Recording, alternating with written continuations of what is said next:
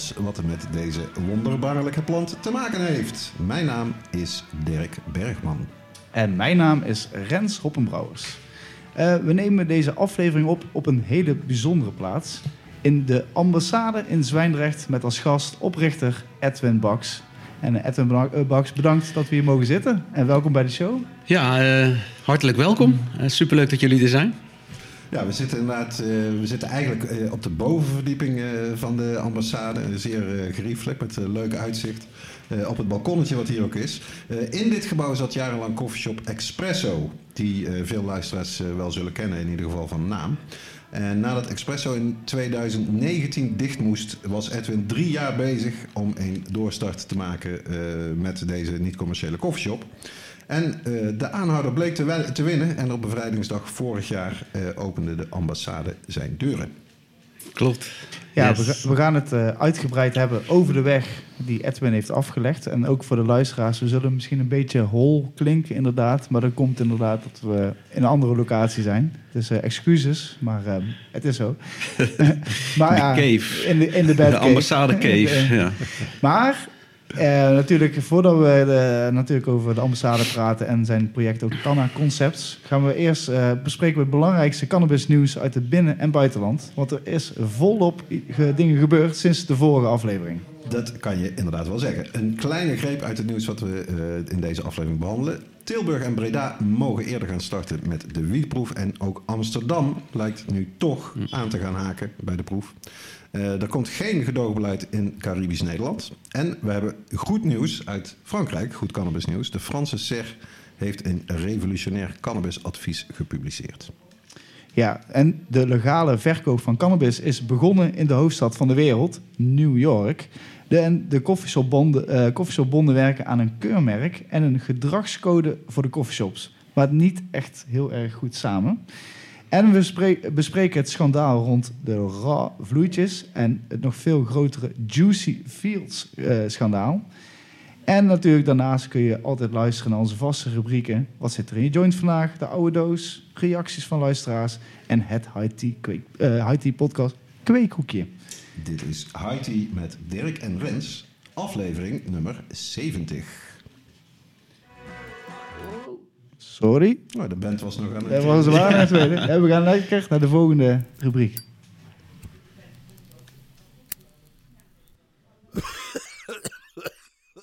Wat zit er in jouw joint vandaag?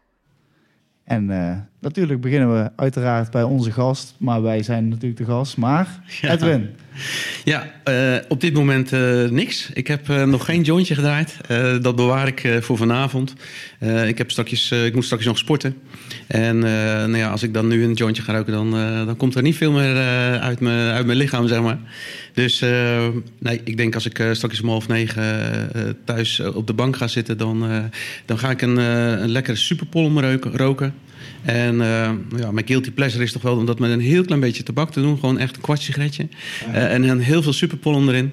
En uh, ja, zo'n mascottefiltertje. En nou ja, dan, dan ben ik helemaal het mannetje. Ja, heerlijk.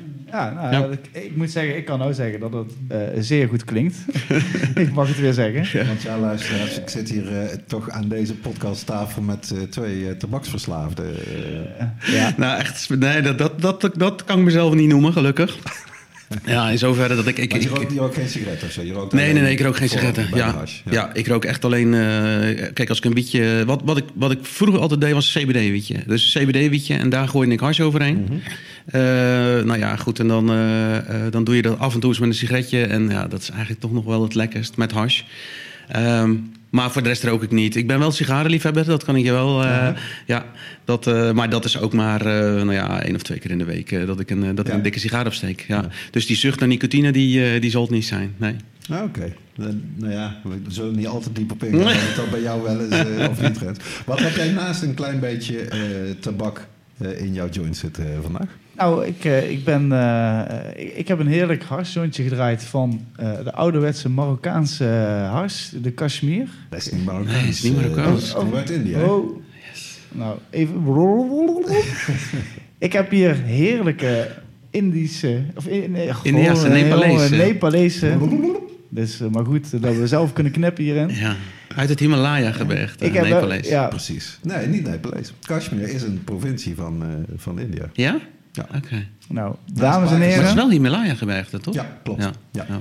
ik heb hier heerlijke Kashmir uit de Himalaya-gebergte. Het is geen onderdeel van... eh, nou ja, ik hou ermee op. Het is in ieder geval een heerlijk eh, donkere, eh, beetje zachtige, olieachtige hars. En super ehm, plakkerig zou ik Ik, ook, ik weet ook dat eh, de vriend van de show, Karma Genetics, hier ontzettend Ja. vrolijk zou worden als ik Ja, deze precies, aan hem eh, zou. Eh, dus ik zal beloven dat ik voor hem een stukje bewaar. Ik denk dat hij er zeker van kan genieten.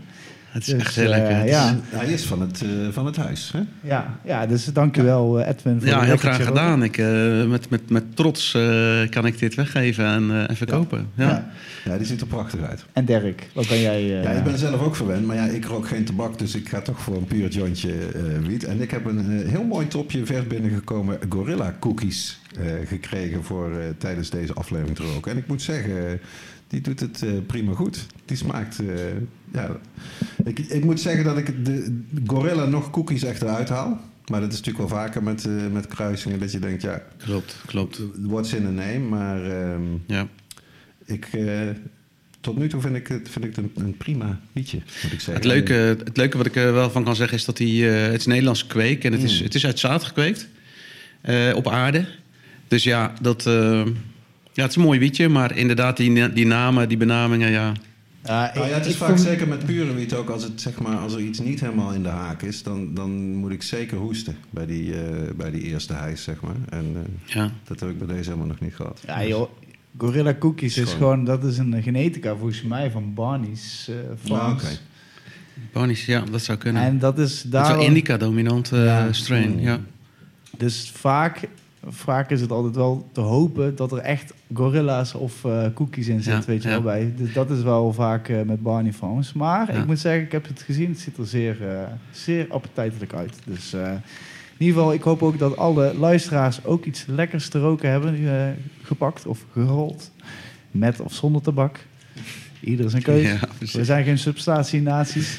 Uit een pijpje, met een pijpje met een bong. Of eh, allemaal lekker. Het mag allemaal Zo is dat. tijdens het luisteren naar de IT-podcast. Ja. Yes. Dus eh, in ieder geval geniet ervan. En we gaan naar het, eh, we gaan naar het nieuws.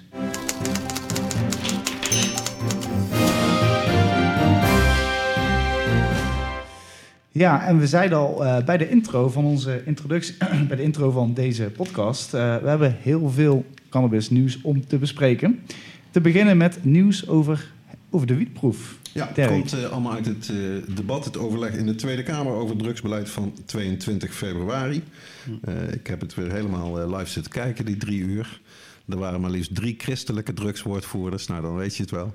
Eh, genoeg om je aan te ergeren, maar het nieuws was dus toen eh, onze minister van VWS, Ernst Kuipers, ineens aankondigde dat er besloten is dat er een aanloopfase gaat komen voor de wietproef. En dat kunnen we Ik kan dan ook eh, de Kamer informeren dat de minister van JNV en ik samen besloten hebben tot het introduceren van een aanloopfase in het experiment. Tijdens die aanloopfase kan er op kleine schaal in twee gemeenten, eh, Breda en Tilburg, eerder gestart worden met levering aan coffeeshops. Waarbij coffeeshops ook nog mogen inkopen bij hun oude leveranciers. Het doel van de aanloopfase is om op kleine schaal de geslotenheid van de keten en alle processen en systemen die hierbij komen kijken te testen.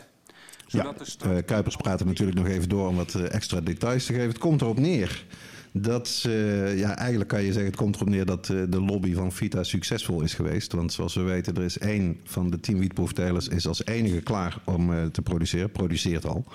En daar is het idee uit voortgekomen, denk ik toch, om een, eh, een experiment in het experiment te gaan doen. Zoals Paul de Pla dat heeft genoemd, burgemeester van Breda. En ook Theo Weterings van eh, gemeente Tilburg, de burgemeester daar, die heeft zich daar ook bij aangesloten. En dat komt er dus nu. En ze verwachten dat die fase kan beginnen in het eh, vierde kwartaal van dit jaar. Eh, oktober wordt vaak genoemd, maar dat heeft Kuipers niet zo gezegd. Maar in ieder geval, ja, dus dit jaar al. En dat die ook maximaal zes maanden mag gaan duren. En dat daarna gaan ze ervan uit dat alle andere telers ook klaar zijn om te gaan produceren. En dan hebben we dus even snel rekenend een half jaar na het, eh, het vierde kwartaal van dit jaar, zitten we dus ongeveer juni, juli eh, 2024. 2024. Ja. Dan zouden alle telers klaar moeten zijn. Eh, jij werkt natuurlijk, Rens, voor een van die telers. Denk jij dat alle telers klaar zijn? Is, is Kati Quality Farms klaar in de juni volgend jaar, denk je, om te kweken? Ehm, nou, ik zou je zeggen, ik, ik, ik, ik denk dat die datum wel realistisch is om, om in ieder Hmm. geval een start aan te kondigen. Ik, eh, ik heb niet natuurlijk, ik, ik ben adviseur voor Q-Farms. Ik ben daar eh, betrokken bij de menu en de genetica. Ik, ik weet niet 100% hoe ze met de verbouwingen zijn en dergelijke. En ik heb ook zeker geen overzicht van de rest. Maar ja. als, ik ze, als ik het zo hoor, ja, dan hoop ik echt, en dat moet het ook gewoon kunnen, dat, dat, dat we volgend jaar juli, dat we gewoon eh, de legale wiet eh, Ja. zien groeien in ieder geval. Ik zag Bart Vollenberg van eh, Aardachtig en natuurlijk ook van Koffie en Dromen, Coffeeshops gisteren op de televisie, die ook zei van ja, iedereen, alle telers zijn full blast bezig om gewoon zo snel mogelijk te kunnen produceren. Ja. En, Ja, het is voor niemand een, een voordeel om niet te kunnen leveren, denk ik. Ik denk dat iedereen zo snel mogelijk wil beginnen. De ene heeft gewoon zijn vergunningen eerder gehad dan de andere. En ja, je ziet gewoon ook wat, wat de problemen van eh, Q-Farms is geweest. Ja, dat, dat is gewoon dat is zo tijdrovend. Eh, als je wordt ge- gedwongen om nog een lokale externe bebop eh, te moeten doen. mhm. Wat, wat, wat, wat net daarvoor vijf maanden heeft gekost. En dan moet Ja. je gewoon Ja. weer helemaal wel opnieuw.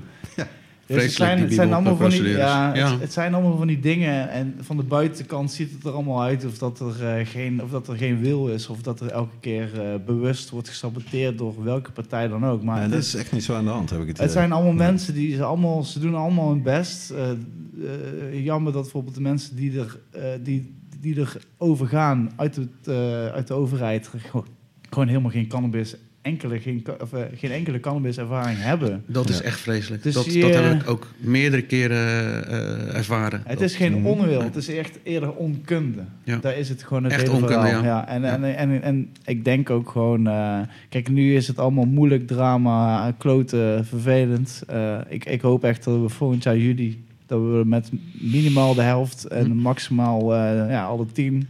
Ja. dat we gewoon lekker kunnen beginnen.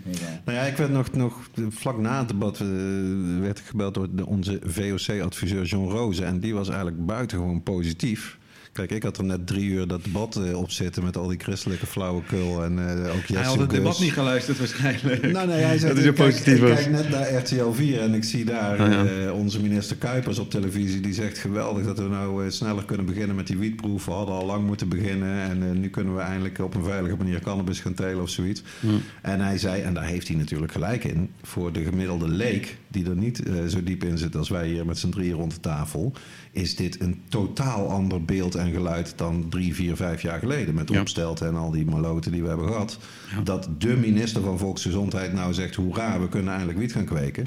Ja, de, de- dat is natuurlijk eh, fijn. Ja. We gaan toch de goede kant op. Ondanks al die haken en ogen en eh, ook interne fricties, moet ik wel zeggen. Je ziet toch met die wietproef, ik heb er ook wel eens een column over geschreven. Het, het werkt eigenlijk als een fragmentatiebom binnen die hele cannabiswereld. Doe jij wel mee? Mag jij meedoen? Ik vind het heel moeilijk. Ja.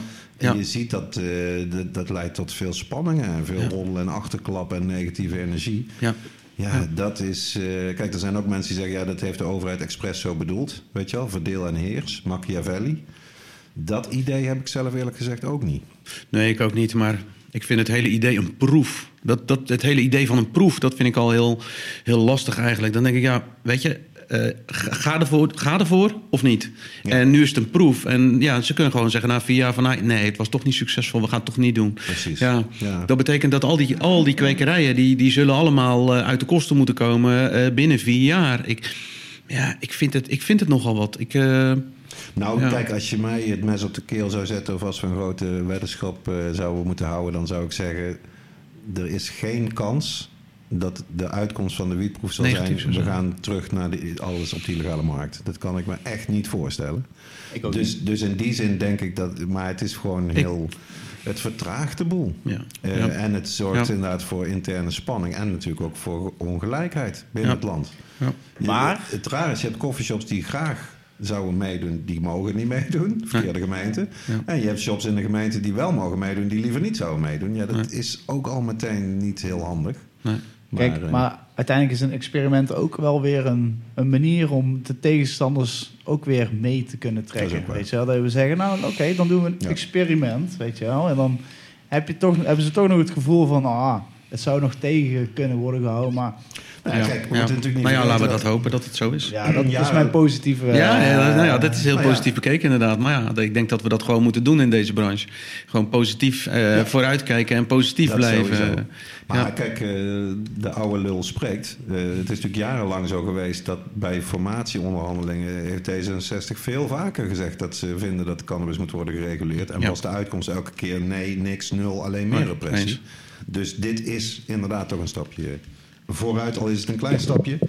En zoals het eruit ziet, werd ook internationaal eh, over bericht. Gaan we dus in oktober in Breda en Tilburg eh, de wietproefwiet kunnen kopen. En Ja. dan nog een nieuwtje erbij. Ja, dat is een nog raarder verhaal. Ineens was in het nieuws de dag voor dit eh, debat dat Amsterdam mee wil doen aan de wietproef met één stadsdeel. Ja. Dus ik dacht, voor zover ik weet, heeft Amsterdam onderhand al drie jaar of vier jaar geleden gezegd dat ze wel willen meedoen met een stadsdeel. En dan hebben ze vooral steeds gezegd, wij willen niet meedoen met alle eh, shops in de gemeente. Waarop het kabinet steeds heeft geantwoord, nou dan kunnen jullie niet meedoen. Want iedere stad die meedoet, moeten alle coffeeshops in de stad meedoen. eh, eh, an- anders lukt het niet. Nu is dus ineens het verhaal de wereld ingeholpen van... hey, ze gaan onderzoek doen in Amsterdam... welk stadsdeel mee gaat doen aan de wietproef. En heeft inderdaad eh, Ernst Kuipers daarover getweet... daar is hij weer, onze minister van VWS... dat hij die aanvraag natuurlijk nog goed eh, zal gaan bestuderen... met zijn collega van Justitie, Dylan Jessilgus... Maar dat het wel eh, heel goed nieuws zou zijn... of fantastisch zou zijn als Amsterdam meedoet aan de wietproef. Dus eh, ik heb het parool er eventjes op nageslagen hoe die het hebben eh, bericht. En zij schrijven ook letterlijk: waarom Amsterdam nu opeens wel met één stadsdeel mee mag doen, is onbekend. De driehoek van bur- burgemeester, hoofdofficier van justitie en politiechef heeft alleen goedkeuring aan het plan gegeven. Dus wat er precies achter de schermen is gebeurd, eh, dat moeten we weer nog uitzoeken op de redactie van de IT-podcast. We zijn er druk mee bezig. Maar eh, ja, zoals het er nu naar uitziet, wordt Amsterdam dus zogenaamd de 11e gemeente. En eh, nou ja, stel dat ze als stadsdeel Zuidoost kiezen, daar zitten twee coffeeshops. Dan Ah, ik eh, denk is het dat wel we- overzichtelijk Ik denk dat er twee belangen mee hebben gespeeld met, dit, met deze beslissing. Is, omdat natuurlijk ten eerste het hele probleem in de Wallen is met het belovenbod en de coffeeshops sluiten. Dus je merkt gewoon dat de Amsterdamse coffeeshopsbond zich veel meer nu betrekken met de overheid. Mhm. En ze proberen allerlei andere maatregelen te verzinnen om het ongeveer tegen te gaan. Net zoals om vier uur pas de shops open en dergelijke. Ja, belovenbod. En ik weet ook zeker dat ze dan ook denken van, weet je wat? Eh, eh, die elfde gemeente die ze al heel tijd willen, die komt er maar niet. Want eh, Utrecht wil niet. Andere gemeentes krijgen ze niet al die coffeeshops op één lijn. Dus dat wordt ook heel tijd lastig. Dus ze denken gewoon, hier zit een gat. Wij kunnen ons hier zelf presenteren. Misschien onszelf ook weer een beetje, beetje weer meer, eh, ja, meer in, erin, in het, in de, hoe noem dat, in het gezicht... eh, Goed in de picture. eh, ja, precies. komen. En dat je Ja. gewoon, wie weet, vinden ze het stiekem zelf ook maar een gek idee. Maar ze hebben in ieder geval weer een soort van tegenbod wat ze kunnen doen, weet je wel. Nou ja, voor het kabinet is het probleem opgelost dat ze maar geen 11e gemeente konden krijgen. Klopt. Dus, Ik denk dat dat inderdaad meespeelt. Dat je nu die elfde gemeente, in principe heb je dan die elfde gemeente Ja. nu. En de bedoeling Ja. was volgens mij Ja. steeds dat Utrecht het zou doen. Ja. Maar eh, in Utrecht Ja. is volgens mij ook goed contact tussen de coffeeshops en de autoriteiten. En Utrecht wil helemaal niet. Ja. Maar goed, als, het, eh, als alles gaat zoals nu gepland wordt, wordt eind mei bekend welk stadsdeel het dan zou gaan, eh, gaan worden. Kan je in Amsterdam gewoon eh, gereguleerde quality farm eh, wiet van jou kopen, Rens? Ja, ik eh, kan niet wachten. We gaan het meemaken. En dan ook nog eens nieuws over het Caribisch Nederland. De BES-eilanden krijgen geen gedoogbeleid. Eh, hoe zit dat? Ja, de, de, de BES-eilanden, dat zijn dus Bonaire, Sint Eustatius en Saba. Dat zijn gemeentes van Nederland. Dat is hun eh, rechtsvorm. Dus volgens mij hebben we het in de show ook wel eens over gehad. Waarom ka- kan er dan geen koffieshop op Bonaire worden geopend? Want dan geldt het gedoogbeleid geldt toch ook gewoon op Bonaire. Of op Saba of op Sint Eustatius. Nou, dat vroeg de eilandraad van Saba zich ook af. En daar hebben ze al in november 2021 eh, een brief overgestuurd aan de Nederlandse minister van Justitie. Dat was toen nog Grapperhaus. Maar die brief is een jaar blijven liggen en is beantwoord door de huidige minister, Jessil Gus, op 19 december vorig jaar. Dus dat is ook alweer even geleden. En uh, het maffe is eigenlijk, kijk, er is toen gevraagd van kunnen jullie een verkenning doen naar de mogelijkheid uh, om dat te harmoniseren. Dus dat het softdrugsbeleid hetzelfde zou zijn op de BES-eilanden als in Nederland, waardoor er coffeeshops zouden mogen zijn en bijvoorbeeld ook gedoogde thuissteelt. En daar zijn ook daadwerkelijk gesprekken over gevoerd in september van 2022, vorig jaar. Maar die gaven, dat schrijft Jessica in haar brief, uh, uh, dat leidde tot een negatief advies over een mogelijk gedoogbeleid. En zij concludeert dat de steun voor het invoeren van een gedoogbeleid ontbreekt en dat een volledige harmonisering niet gewenst is. En dat is ook meteen het einde van de verkenning. Dus helaas voor de mensen die een koffieshop wilden beginnen, op Bonaire of een van de andere BES-eilanden. Nou, een leuke ambassade, Bonaire. Ja, dat zou een dat geweldige zou... franchise zijn. Toch? Mooi, dat uh, zie ik al zitten hoor. Ja, wat het dan nog extra wrang maakt, is dat wat ze waarschijnlijk wel over gaan nemen van Nederland, is de Damocles-wetgeving. Dus op basis waarvan je uit je huis gepleurd kan worden als je meer dan 5 gram wiet in huis hebt of als je een paar planten teelt voor eigen ja. gebruik. Ja. Die voeren ze dan wel in. Dat, dat kunnen ze wel harmoniseren. Dus uh, nou ja, dat was, dat was een nieuwtje toch in de categorie slecht nieuws. Maar de volgende is weer goed, toch? Nou ja, inderdaad, zeker. Ik uh, lees dat er goed cannabisnieuws uit Frankrijk is.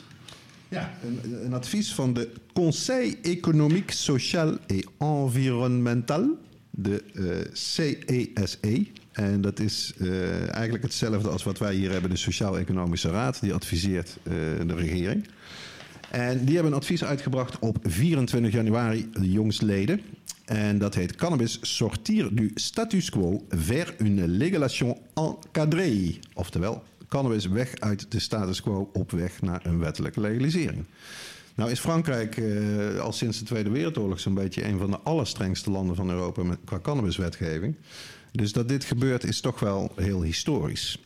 En uh, omdat het ook nauwelijks in de Nederlandse media naar voren is gekomen, vonden dat we het eventjes toch mee moesten nemen in uh, deze aflevering van de Haiti podcast. Uh, ik heb de cijfers nog even erbij gezocht. Uh, ze hebben de strengste drugswetten, maar ze zijn ook kampioen drugsgebruik. Ik wou zeggen, Frankrijk. Dat, ja, ja, er wordt heel veel gebloot volgens mij. Ja, van de 15 tot 64-jarigen heeft 45% minstens één keer cannabis gebruikt. Ja. En het EU-gemiddelde is 27%.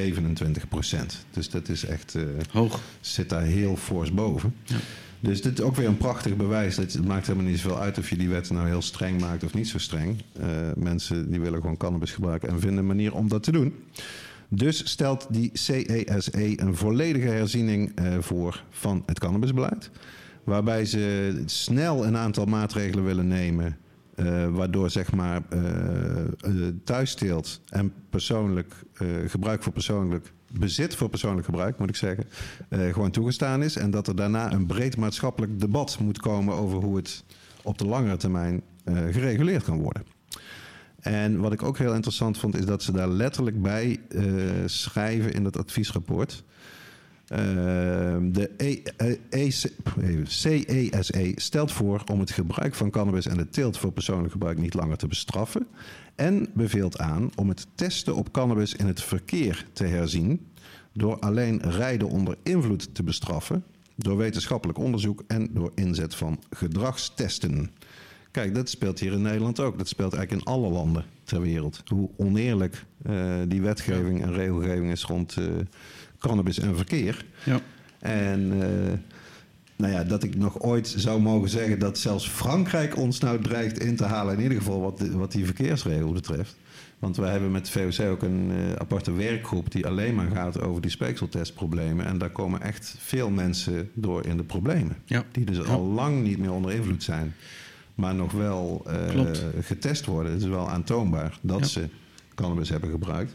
Ja. Dus wij hebben natuurlijk als VOC dit ook onmiddellijk uh, doorgeseind naar de drugswoordvoerders in de Tweede Kamer. Zodat die in ieder geval weten dat niet alleen in, of in Duitsland heel veel aan de hand is op het gebied van legalisering, maar dat ook Frankrijk nu gaat bewegen. Want dit is inderdaad een heel invloedrijke club. Dus laten we hopen dat uh, Macron er naar luistert. En in Frankrijk dadelijk ook naar de shop. En dan nog uh, meer buitenlands goed nieuws. De legale verkoop van cannabis is begonnen in de Big Apple, New York City. En wel op 29 december 2022 om 20 minuten over 4 lokale tijd. 420 baby. Eh, dat was in de East Village in eh, Manhattan. En dat was bij Housing Works. Heel opmerkelijk eh, is eigenlijk die, die legalisering, hoe ze dat doen in New York. De burgemeester zei namelijk ook, Eric Adams heet die man, bij de opening van, de, van die eerste winkel.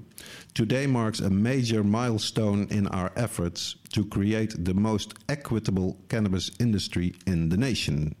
En equitable gaat er dus over dat mensen die het hardst hebben geleden onder de war on drugs, met name waar het cannabis betreft, die dus vast hebben gezeten voor uh, bezitshoeveelheden, dat die niet alleen voorrang krijgen, maar ook actief worden geholpen om in die industrie uh, hun geld te kunnen verdienen nu het legaal is. En uh, ik heb ook tweets gezien van een man die letterlijk zei: dit, was de eerste winkel Housing Works, maar inmiddels is ook een tweede open. Uh, die winkel is letterlijk in de straat waar hij jaren geleden is opgepakt met een beetje wiet. En daarvoor naar de gevangenis is gestuurd. En nu heeft hij in diezelfde straat heeft hij de tweede wietwinkel van New York. Nou ja, fantastisch. Ik ben eigenlijk van plan eerder, later... Eerder toekomt dan, hè? Ja, ja, dat, is, ja. dat is een karma-rol ja. uh, van ja. je welste. Dus ik, ik ben inderdaad van plan dit jaar naar Amerika te gaan. Eindelijk mijn zus, die daar al jaren woont, te bezoeken. En uh, zij woont aan de goede kust. Dus uh, dan kan ik zelf naar die winkel toe. En uh, daarvan verslag doen in de IT podcast. Maar ja, goed nieuws dus.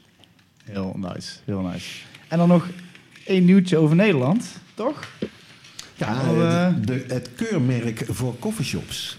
Ja. Daar wordt eigenlijk al lang over gepraat in de branche. En nu ja, 2023 lijkt toch een beetje het jaar te worden van de keurmerken en de gedragscodes.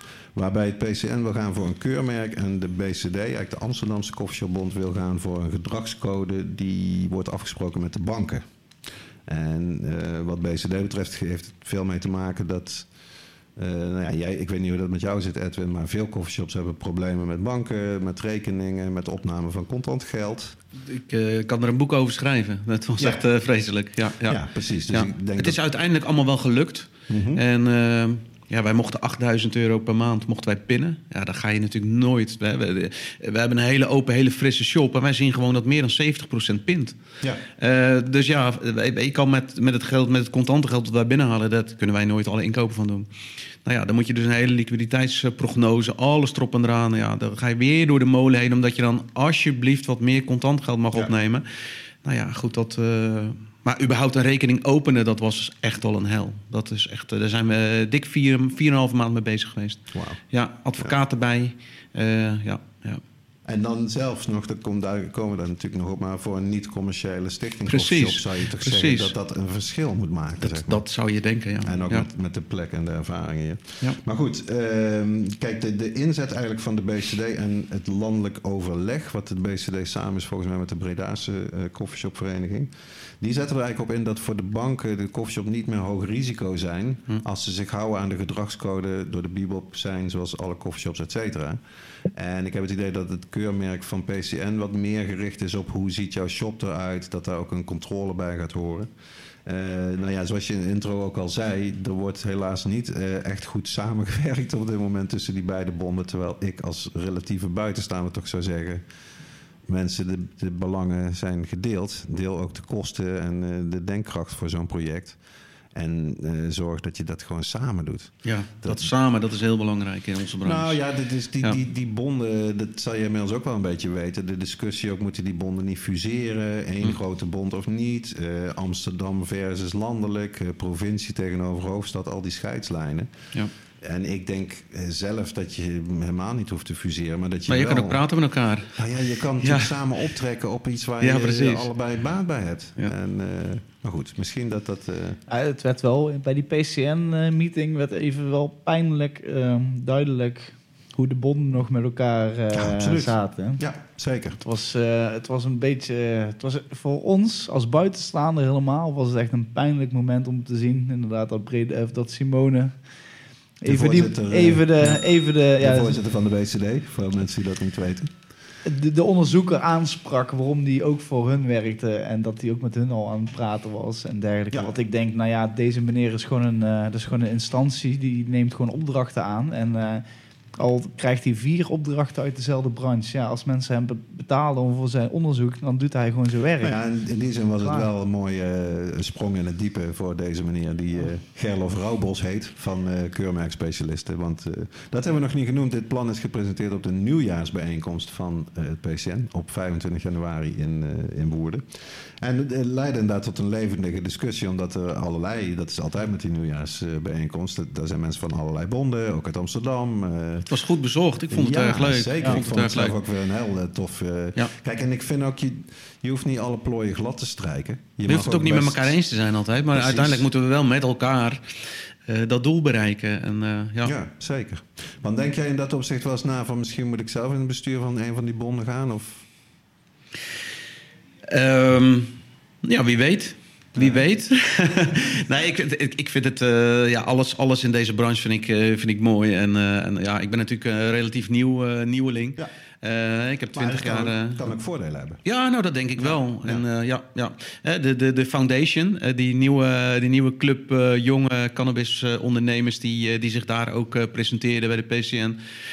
dat vond ik ook leuk. En ja, goed, de hele, ik, ik, ik denk dat het gewoon heel goed is dat je de discussie met elkaar aangaat. En dat je gewoon met elkaar kijkt van, joh, maar hoe, hoe maken we deze branche eh, eh, legaal? eh, en, en, en houden we het leuk met elkaar? Ja, want het is inderdaad ook een nieuwtje. Ik, ik moet altijd even een beetje qua geluid, anders wordt het te hol. ja. Dus, maar nee, ik, ben, ik, ik mag trots ook wel zeggen dat ik een van de founders en onderdeel ben van de, Oh, de foundation. En ja, dit is gewoon heel mooi, want we zijn allemaal van een bepaalde leeftijdsklasse, waarvan we allemaal aan het ingroeien zijn in bepaalde posities. En we hebben allemaal wel allemaal een gezamenlijke mening dat het allemaal beter kan en beter moet. Ja. En dus hebben we eigenlijk Want, onze... eh, voor mensen die dat helemaal gemist hebben, eh, hoe zou jij in twee zinnen omschrijven wat de foundation is? Oké, het, is een- het is een groep cannabis-liefhebbers die passie hebben voor het, eh, voor product en het werk wat ze doen, eh, die een, een, een duurzame en stabiele toekomst willen opbouwen voor de industrie, waarin ze zelf opereren. Dat was echt een hele mooie pitch. ja, Goeie ja elevator pitch. Ja, Ja, dus, dat, eh, eh, Waar- waarom heb jij die presentatie niet gedaan, Rens? Jij stond lekker aan de zijkant. Ik, eh. ik ben daar veel te verlegen voor. Eh, daarom zit ik ook achter een, vaak een microfoon zonder mensen voor mijn neus. Dan durf ik nog misschien een beetje te praten. Nee, ja, we hebben daar eh, we hebben zulke goede gasten in, in de groep zitten. Ja, we moesten Ja. bijna ruzie maken over wie het kon gaan doen. Omdat in principe iedereen heeft best wel een, een uitgesproken mening en durft er best wel voor, eh, of voor een groep voor te staan. Maar we hebben daar Ryan en eh, Ruben en eh Esje voor eh, gekozen. Ja, dat zijn drie sterke gasten die gewoon, eh, ja, ik denk een hele goede presentatie hebben gegeven. Ja, we zijn nog zeker. natuurlijk zijn we als foundation nog, eh, we zijn echt in de oriënterende, opstartende fase. En we willen ook onze doelstellingen goed eh, neerzetten, dat we ook echt ergens naartoe kunnen werken. Mhm.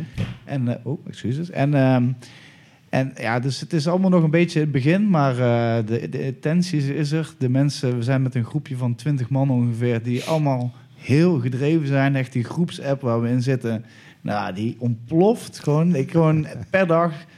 Ja, het is gewoon eh, heel interessant. En eh, wie weet kunnen we een, een verschuiving eh, brengen in ieder geval. enth- enthousiasme, dat is leuk. Ja, dat binnen die club. Dat, dat straalde er ook echt wel vanaf. Ja, en en als, als mensen luisteren naar deze podcast en denken, wow, dat eh, Ik klinkt ben interessant. Ik ben ook een jonge cannabis Ik, ik wil ook. eh Ja, dat vind ik dan een beetje jonge. Ja, jonge kan we Nee, nee, dat- denk ik, in ja, principe, ik nee, nee. 48. Ja, ja, eh, nee. Ik, wij zijn. We, Kansloos, kansloos. ja, kansloos. Ja. Nee, ik nee, voel me nee, ook wel een nee. oude lul hoor. ja, kijk, we discrimineren niet. En eh, we zullen ook nooit op leeftijd. Want we denken ook, eh, net zoals we de derde keer hebben uitgenodigd om eens eh, met ons te praten. We denken natuurlijk wel, we moeten het allemaal nog wel van leren. Of we moeten allemaal nog leren. En we staan zeker open voor eigenlijk iedereen. Het is alleen wel de groep. Ja, het zijn allemaal een beetje vrienden van, vrienden van elkaar. Dus dan krijg je wel een bepaalde leeftijdsgebied. En één dingetje, en dat moet ik er toch ook wel bij zeggen. Het is wel all male. Dat, kan eigenlijk niet meer. Dat toch? zijn we ook eh, mee bezig. Ja, klopt. Alleen Ja, maar ja. mannen. Ja. Ja. Ja, dat is helaas deze industrie. eh, Ja. behalve Dat- een paar power womens eh, die we in ons midden hebben. Maar, nee, maar, wat, is- ik, wat, ik, wat ik echt wil zeggen is inderdaad... als jij denkt van... yo, ik, eh, ik ben ook werkzaam... of ik wil echt mijn toekomst hierin hebben... en ik wil graag mijn steentje bijdragen aan een betere industrie... dan eh, stuur ons een berichtje op de foundation op Instagram of eh, trek een van de leden van ons aan de mouw en kom een keer gezellig eh, bij een van de, van de, de, de bijeenkomsten in ieder geval. Dus bij deze. Interessant. Of stuur een mailtje. Eh, de, laatste, nou, de laatste fraudezaken. We gaan het hier even over de de fraudezaken hebben. Ja. We, toch een soort van roddel eh, juice eh, programma worden we. we. Laten we het eerst hebben over Ra. Ja. Het, het ja, hoe moet je het zeggen? Een nieuwsbericht van een partij die Ra beschuldigde van ongeveer twintig dingen waar, wat allemaal niet klopte. En daar hebben ze allemaal gelijk in gekregen voor de, voor de rechtbank. Republic Brands. Eh, dat, die doen onder andere de vloei OCB. Eh, in Frankrijk wordt die ook heel goed verkocht, maar ook in Amerika. Die hebben dus de, de, de, de distributeur van Rawvloei voor de, voor de rechter gedaagd. In eh, Illinois, volgens mij. En die hebben op alle punten gewonnen. En ja, wat ik daar heel opmerkelijk aan vond, is dat ze moeten dus onder andere stoppen met te blijven beweren, impliceren of suggereren dat het bedrijf actief is of fondsen of verkoopopbrengsten bijdraagt aan een liefdadigheidsinstelling of stichting, waarnaar wordt verwezen als de Raw Foundation. Want die, zo'n stichting bestaat helemaal niet. Dat is toch... Ja, en dat vind ik zeg maar eh, ook als eh, voorzitter zijn van een stichting die daadwerkelijk eh, zich keihard probeert in te zetten elke dag om legalisering dichterbij te krijgen en daarvoor ook fondsen werft, vond ik dit toch wel wat al te gortig. Dat je mensen eigenlijk dat voorspiegelt terwijl het niet bestaat. En verder gaat het ook over dat zij. eh, ja, ik vind het eigenlijk ook wel weer heel grappig. Op heel veel van die roorvloei staat dus dat, dat, dat Alcoy, een stempel van Alcoy, of Alcoy in eh, Spanje. En verwijzing dat dat de geboorteplaats van vloeipapier is. En dus in ieder geval suggererende dat die vloei van Roor daar ook wordt gemaakt. En dat is helemaal niet. Er wordt geen vloei voor Roor gemaakt in Alcoy in Spanje. Of ze er nou nog zoveel stickers op zetten. Dus dat, dat klopt allemaal voor meter. Maar ik hoorde dat jij eh, een reactie hebt gezien van, hoe heet die man, Josh? Josh, eh, geen idee of hoe die met zijn achternaam heet. Eh, Josh Kesselman. Ja, de, de oprichter en Nou, directeur van eh, Roor. Ik zal je bij deze vertellen. Ik, het is heel toevallig. Ik koop nooit eigenlijk een doos vloei.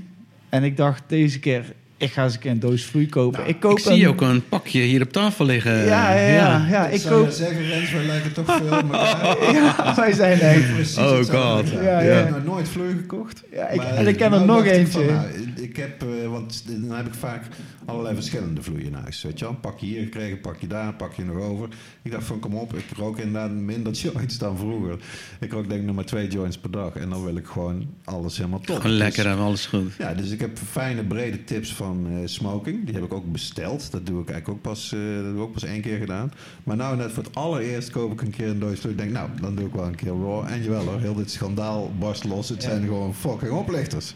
Ja, Grappig, dus het is een beetje typisch, maar eh, ik, eh, de, de RA, of RA, de, de, de- het bedrijf en die eh Jos, die hebben dus een statement uitgebracht. dat was twee dagen geleden. Waarvan ze proberen de, de ergste beschuldigingen in ieder geval te, te, te, te, Te weerleggen. te, weerleggen. Waarvan inderdaad een van de is over die foundation, de RA Foundation. En wat ze zeggen is inderdaad dat eh, the name we previously used for our giving efforts may have may have created the impression that we ourselves were a charity. We are not a charity. Charities raise money by requesting donations. Ra does not. Instead, Ra gives his uh, portions of his profits to provide financial support to many charities and other causes central to the values of our brand. En dat bedoelen ze eigenlijk van. Ze hebben eigenlijk een naam, ze hebben het zogenaamd gezegd dat ze dus een Maar ze foundation zijn. geven wel degelijk aan Maar Al het doelen. geld wat ze hebben gezegd, dat ze aan die foundation hebben ze ook echt gegeven En ze geven ook aan, de namen aan, van... aan al de goede doelen die ze, die ze Ja, ondersteunen. maar ook aan de YMCA zie ik dan. De YMCA? Maar is toch een goed doel? Ja, wat, hebben we daaraan als cannabisconsumenten, weet je wel? Ja. Ik, ik zou zeggen, mijn indruk was inderdaad van die Raw Foundation, voor zover ik een indruk daarvan had. Ja, dat zal naar Normal gaan, dat zal naar Drug Policy Alliance Ja, ze hebben gaan. zich duidelijk groter en beter eh, voorgemaakt dan ze wat ze is. Ja, en ze ja, zeggen En inderdaad... over Alcoy, of Alcoy? Ja, ze zeggen die wordt inderdaad niet daar gemaakt. Ze zijn dus helemaal clear. Ze zeggen gaan wel full blinds over hoe ze en waar ze wel worden gemaakt. Hun rolling boek paper, eh, rolling paper booklets. Dus de, de Indonesië waarschijnlijk of zo. Nee, die worden gemaakt in een Quant Village in de Alicante prov- province of Spain. Spanje. Dus eh, in Benimarful. Benimarful. Eh, en eh, hun papier wordt gemaakt in South of France. Mm. En, eh, en daar, die papieren gaan dan naar dat Spaanse dorpje. Dus eh, ze, ze hebben zichzelf ook daar mooier gemaakt dan het Ja. is. Het is wel gewoon... eh, wel marketing. gewoon hun, Ja, precies. Maar ja, wel op een verkeerde manier. Want dan denk ik, ja, dit soort dingen komen toch altijd uit. Ik snap dat dan niet zo goed hoor. Dan denk Ja. ik, ja, weet je, je kan jezelf wel veel beter voordoen als dat je bent. Of je kan dingen verdraaien. Maar uiteindelijk bij liggen eh, in deze branche. En of dat je nou een vloedje bent of een shop bent. Maar je ligt in deze branche onder een vergrootglas. En ja, dan denk ik, kijk dan goed uit wat je, wat je zegt Ja. of roept. Want vroeg of laat komen ze er toch achter. ja, Nou ja, zeker. het is natuurlijk best interessant dat een concurrent is die gewoon zegt: ja, nou is het genoeg Ja. lulverhalen. Ja, ik snap dat ook wel, hoor. Ja, ik snap het ook wel. Maar het is bizar, want ik wist het nog niet voordat we gingen opnemen dat jij dus ook een doos rolvloei had besteld. Het is toch wel ergens werkt die marketing wel fantastisch goed. Als ook doorgewinterde stoners als wij erin trappen. Kijk, de kwaliteit van de vloeitjes zijn gewoon... Daar is niks over echt... eh, Nee, dat klopt. Dat is Want, gewoon... dat, dat moet ik ook wel zeggen, er was tegelijk ontstond er zo'n soort gerucht, in ieder geval op Twitter, dat, dat er ook testrapporten waren van Rawvloei, dat er te veel metalen, of, of dan delen van metaal, in zaten in het product. Oké. En dat heb ik wel, want dat, dat is een heel ander verhaal natuurlijk. Dat, dat is voor zover ik dat kan nagaan echt allemaal bullshit. Ja. Ik heb zelfs testrapporten gezien eh, van een derde bron. eh, waar gewoon steeds overal nul staat bij al die verschillende metalen eh, Ja. waar ze dan op testen. Dus ik, ja, kijk, ja, kijk het is, ik vind het ook fijn. Kijk, het is gewoon puur ik- deze ik weet niet dingen. of ik nog zo'n doos is gewoon bestellen. dat, ze, dat, dat dit papier wordt gemaakt door Windmill Energy. Nou, dat ook is nog, ook. dus ze zijn gewoon goed op hun bek gegaan. En ik vind Ja. ook dat ze ook een boete of wat de fuck ook ze moeten betalen. Want het is gewoon jammer. Alleen je kan zeggen wat ze willen, maar Ze heeft denk ik een van de sterkste brand. eh hoe noem je dat? Bezig. Nu? Ze hebben gewoon zoveel fans. Ja, echt klopt. mensen, Ze fans. verkopen ook heel veel merchandise. Gewoon Ja. rolling trays Ja. en truien en weet ik wat voor flauwekul. Ja. Dus ik moet Ja. zeggen, ik heb mijn doos Raw ook niet eh, de prullenbak ingeflikkerd. Maar ik vind het wel pijnlijk en ik, eh, ik hoop dat ze echt ook gewoon even op de, op de blaren zullen zitten. Maar dit, dit bedrijf overleeft het wel hoor. Dat ben ik. Ja, oh, daar twijfel ik ook niet over. Nee, dat, want een, eh, een laatste gedachte daarbij eh, is toch wel dat ik weet dat eh, smoking, bijvoorbeeld, toch ook een heel groot eh, merk, Spaans, dat die nooit ene cent hebben uitgegeven aan zeg maar activisme voor cannabis, terwijl Nee. ze natuurlijk uit de cannabiswereld al hun omzet halen. ongelooflijk. En Ja. dat is wel, eh, ja, misschien is dat, eh, ik ga geen vloeitjes pluggen, maar het idee dat je gewoon Nederlandse vloei misschien kan gaan roken. Eh, want ik heb het idee dat de Nederlandse grote vloeimerken en distributeurs wel degelijk de branche ondersteunen. En ook het activisme Absoluut. Dat is ook de reden waarom dat wij... wij wilden eigenlijk alleen maar mascotten in de winkel hebben. Mhm. Ook omdat ik het... Ja, ik vind het, ik vind het een hele fijne organisatie om mee te werken. Ze zijn gul. Eh, het is mooi, want dat is, natuurlijk, het is, dat is natuurlijk het belangrijkste. Het is gewoon goed. Het is een goede, goede vloeitjes, mooie verpakkingen. Alles, Mhm. alles klopt. Maar... Dan zie je hoe stug eh, de stoners zijn. Eh, want eh, smoking is. Dus nou, het is hier. ja, het is Ja? een beetje 50-50 aan het worden. Eh, we hebben ook best wel wat goodiebags. Met de opening hebben we goodiebags meegegeven. En daar ook, ook veel smoking gepromoot. En langzaam maar zeker zie je toch wel dat mensen naar... of mascotten sorry, mascotten bedoel ik. Dat langzaam maar zeker dat ze nu zelf ook mascotten kopen. Ja, Ja, ja. en dat, dat Ja, vind ik wel heel leuk. Wij, volgens mij heb jij dat ook heel lang als vaste vloei gehad, Rens. Gringo. Gewoon eh, ja, ook natuurlijke vloeitjes. Dat vind ik ook wel heel fijn. Ja, ja. Die, doen het ook prima. Ja, die doen het ook prima. En Ja. daarmee ondersteun je ook eh, de goede zaak eh, voor zover. Yes. Het andere schandaal is eh, Juicy Fields. En ik heb daar vorig jaar juli Ja. inderdaad al over geschreven. Kan niet wachten op de Netflix-serie. Eh, voor de mensen die nog niet weten wat het is, een heel kort bestek. Het is eigenlijk gewoon een piramidespel, een Ponzi-scheme. Je kon zogenaamd investeren in, eh, in, in het kweken van wietplanten voor medicinaal gebruik. Allemaal 100% legaal. Dat hebben heel veel mensen gedaan. Er zijn getallen genoemd 300.000 tot zelfs 500.000 mensen die geld hebben gestort in die Juicy Field scam. En het bleek dus één grote scam te zijn. Er is een schitterende podcast die ik iedereen kan aanraden. Die heet Cannabis Cow- Cowboys eh, van Deutsche Welle, DW. Als je Cannabis Cowboys podcast intikt, eh, dan kan je hem snel vinden. Eh, acht afleveringen in totaal, geloof ik. Er zijn er nou zes online. Ja. Nou, daar wordt heel het verhaal in ontrafeld. En wat maf is, is dat die, de website juicyfields.io... die is gewoon nog steeds online. En die is ook nog steeds aan het werven. En Schandalig, het hè? lijkt toch aan alle kanten erop, hoewel ze... Ik heb vorige week eh, een, een column geschreven eigenlijk naar aanleiding van die podcast... en het nieuws wat er zo'n beetje was over Juicy Fields... en ook de rechtszaken die inmiddels eh, eraan gaan komen. En toen kreeg de redactie van eh, CNNBS, mijn goede vriend Joop... een mail van het doorgestarte nieuwe Juicy Fields dat ze nu wel heel erg goed bezig waren. Dat ze aan het terugbetalen waren aan mensen die gedupeerd waren. Ze hadden volgens mij al 56 mensen hun eh, geld teruggegeven. Er hing ook een hele sliert van mails onderaan. Van mensen die, ja bedankt Juicy Fields, wat tof dat jullie mijn geld... eh, ik heb er weer helemaal vertrouwen in.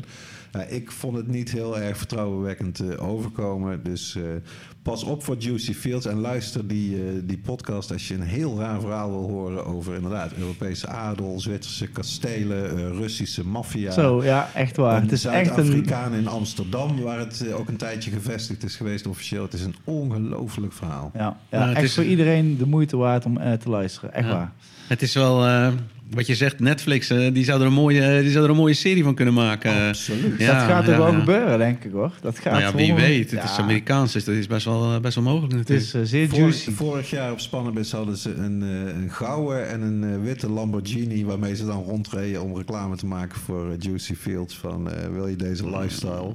Ga je zuur verdiende spaargeld. Oh, zoveel het in. Ja. want dat zit ook heel duidelijk in die podcast. En mensen, dat is natuurlijk normaal ook bij zo'n Ponzi-scheme... die zijn zelf andere mensen in hun eigen vrienden en familie... Een werven. Ja. gaan werven van... joh, ik verdien hier echt lekker mee. Het is heel betrouwbaar, doe het ook. Ja, mensen zijn bedreigd. Eh, Er zijn mensen die hebben Echt mensen vreselijk. aan de deur gehad. Ja. En eh, nee, dat is echt een afschuwelijk verhaal. Ja. Dus eh, Dus, eh, trap er niet in, mensen. in ieder geval een, een berg van nieuws. Sorry dat het allemaal zo lang heeft geduurd. Maar eh, ja, we, zijn gewoon heel druk. het, ja. ja. ook zo zeker zinnig. Maar eh, we gaan lekker even... We sluiten de nieuws af. Hoppa. En dan gaan we naar onze gast van vandaag. De, ja, we richten de spotlights op onze gast Edwin en op het verhaal van de ambassade. En ik denk dat we, wat we bij iedere gast voor- altijd vragen, laten we beginnen bij het begin. En eh, we, we vragen altijd, wat is jouw eerste cannabis-ervaring? Hoe, eh, hoe is dat geweest? En hoe ver Dat moeten we daarvoor terug? in Ja, dat is heel lang geleden. Dat is heel lang geleden. Ik denk dat ik een jaar of eh 15, 16 was. En ik denk zelfs dat ik wel eerder een blootje gerookt heb als, eh, eh, als, als laat ik het zo zeggen, eerder stoned was dan, een keer, dan dronken. Eh, ja, en ik kan me nog wel herinneren waar dat was ook, in, in, in Dordrecht, waar ik vandaan kom. een koffieshop. Nou, ja, daar kwam ik natuurlijk niet binnen. Daar, daar werd ik gelijk de deur uitgezet. En nou ja, toen heb ik iemand anders laten halen. En nou, samen met een vriendje van mij geprobeerd. Hash, We uiteraard. knippen het er wel uit. We knippen het er wel uit. Ja, het verjaard inderdaad, ja. Maar eh, ja, bij mij was dat echt een onwijs leuke, leuke ervaring. En eh, bij, die, eh, bij die vriend van mij, die toenmalige vriend van mij, die eh, totaal niet. Nee, nee, die, is echt, die werd enorm ziek van. En nou ja, dat kan je nagaan hoe dat bij, bij ieder toch verschillend Ja, uitpakt. Maar dat was wel mijn eerste ervaring. En eigenlijk, ja, vanaf dat moment vond ik het gewoon super interessant. En ik heb, ik heb ik, ik, ik ben iemand die als ik iets leuk vind, dan bijt ik me er gewoon in vast. En dat heb ik eigenlijk altijd gedaan. Ik ben eh, op, op, ja, wat oudere leeftijd eh, gewoon eh, buiten wat plantjes. Heel veel boeken, boeken gelezen. Ja, la- later natuurlijk steeds meer op, op internet gekeken. En eigenlijk tot, tot, op, tot op de dag van vandaag alleen maar bezig met cannabis in de breedste zin. ja, ja. En ben je altijd eh, vooral hashliefhebber gebleven? Of meer op iets overgestapt? Of Nee, ik heb- brander? eh? Ik, ik vind, eh, ja, die hash vind ik sowieso wel het lekkerst. Dat vind ik ook eigenlijk het leukst. Maar ehm, ja, die wiet, ik, ik kan er zelf niet goed tegen. Ik, ik word er heel druk van in mijn hoofd. En ik heb echt heel veel verschillende soorten geprobeerd. Ik probeer ook het, bijna alles wat wij op de kaart wat we binnenkrijgen, dat wordt sowieso getest.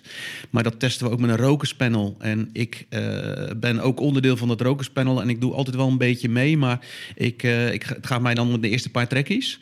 Eh, want als ik echt stoned van word, dan ben ik het van wiet. Ben ik het meestal na een half uur, drie kwartier, ben ik het zo zat. Ik word zo druk in mijn hoofd ervan. Ja, en dat heb ik gewoon totaal niet bij, eh, ja, bij die brickweed, die ouderwetse brickweed. Dat, dat is ook wel iets wat ik, eh, wat ik tegenwoordig nog, eh, nog veel rook. Ehm Voor de jongere luisteraars. eh brickweed is, eh, is die, die Colombiaanse of die Thaise of die Jamaicaanse, Jamaicaanse wiet die gepest eh, wordt, waar echt ook zaadjes en alles tussen zit. Ja, en Ehm.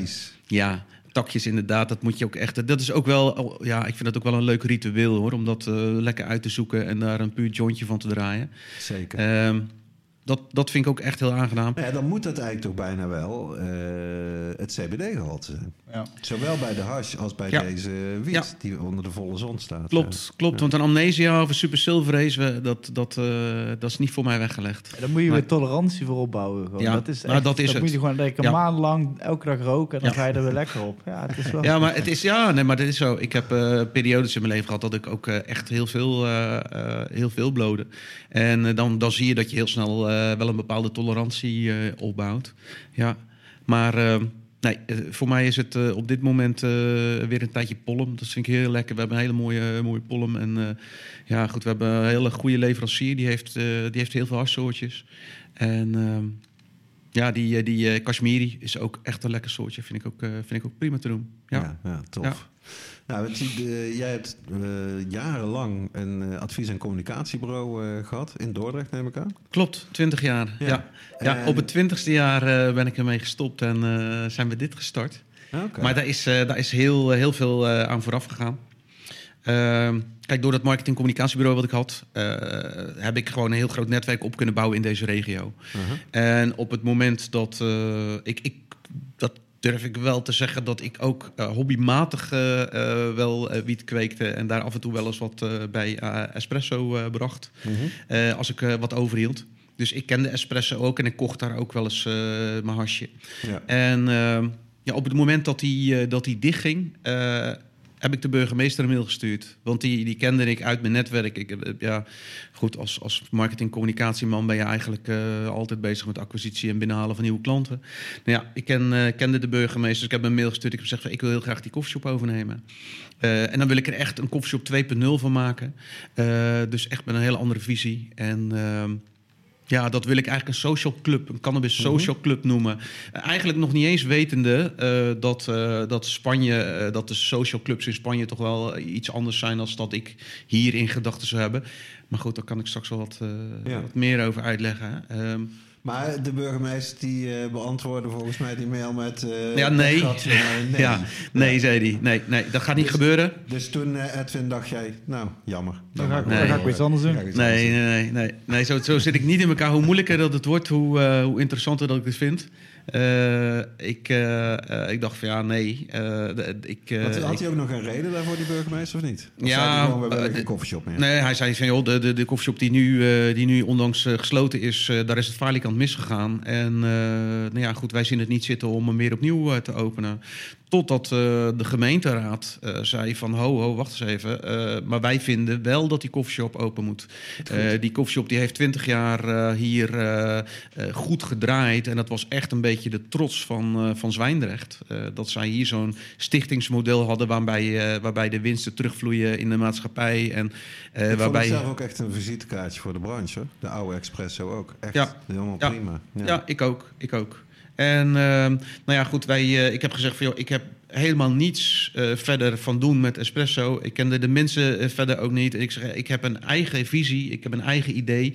En dat wil ik op papier zetten. En nou ja, dat, dat ik heb gewoon twee A4'tjes eh, met mijn idee ook gemaild naar ze. Ik heb twee wethouders uitgenodigd die voor waren. Daar was ik achter dat zij voor waren. Er was iemand van het CDA en iemand van de VVD. En ehm, nou ja, die zijn, ook, die zijn ook bij mij op dat reclamebureau of het marketing- en communicatiebureau geweest. En eh, we hebben met elkaar eh, gesproken. En zij zagen dat echt wel zitten. Nou ja, uiteindelijk is de burgemeester. eh, het blijkt dus dat als de, de eh, gemeenteraad voorstemt, dat de burgemeester niet anders kan dan meestemmen. Zo heb ik dat begrepen. En, Ja, eh, of hij zou moeten opstappen. En dat Ja. had hij waarschijnlijk niet voor Nee, nee, Ja. nee, en later, want die burgemeester eh, Hein van der Loo is dat, eh, een fantastische man. We hebben later heel veel, eh, heel veel aan hem gehad. Eh goede gesprekken, hij heeft me echt geholpen. we hebben goede gesprekken gehad. En ja, hij is gewoon wel iemand, hij wil het veel volgens de regels doen. En hij zegt, ja, weet je, dit is half-half en daar ben ik geen voorstander van. Maar ja, dat En- kan niet anders nu. Nee, Ja. nou ja, daar, daar hebben wij hem ook van overtuigd. En ik spreek met wij omdat ik het. ik ben bestuurder-eigenaar, maar dat is eh, Anne, mijn eh, vriendin ook. We doen het eh, in principe met z'n tweeën. Oké. Ehm, nou, we werken hier met twaalf mensen hoor, maar Anne en ik zijn wel, zitten wel in het bestuur. Ehm, nou ja, heel lang, eh, of, of, of om een, lang verhaal kort te maken. Ik heb contact gezocht met Harderwijk, met Columbus. Mhm. Ontzettende leuke mensen ook eh, van die koffieshop. Dat is ook een stichting. Ja. En eh, nou, daar werd ik eigenlijk met open armen ontvangen. Eh, ik heb gevraagd van, joh, mag ik jullie beleidsplan, niet, niet het plan wat zij ingeleverd hebben, maar het, het beleidsplan van Harderwijk inzien. Nou, dat, dat stond op internet, dus ze hebben me dat doorgemaild. Daar. En ik wist wel van, nou, als een stichting voor hem is, dan, zal die, dan zullen zij wel kijken. Want ik wist ook dat de gemeente Zwijndrecht connecties had of, of banden had met de gemeente Harderwijk. Dus ik denk, ja, dat zal dan wel in dezelfde vorm zijn.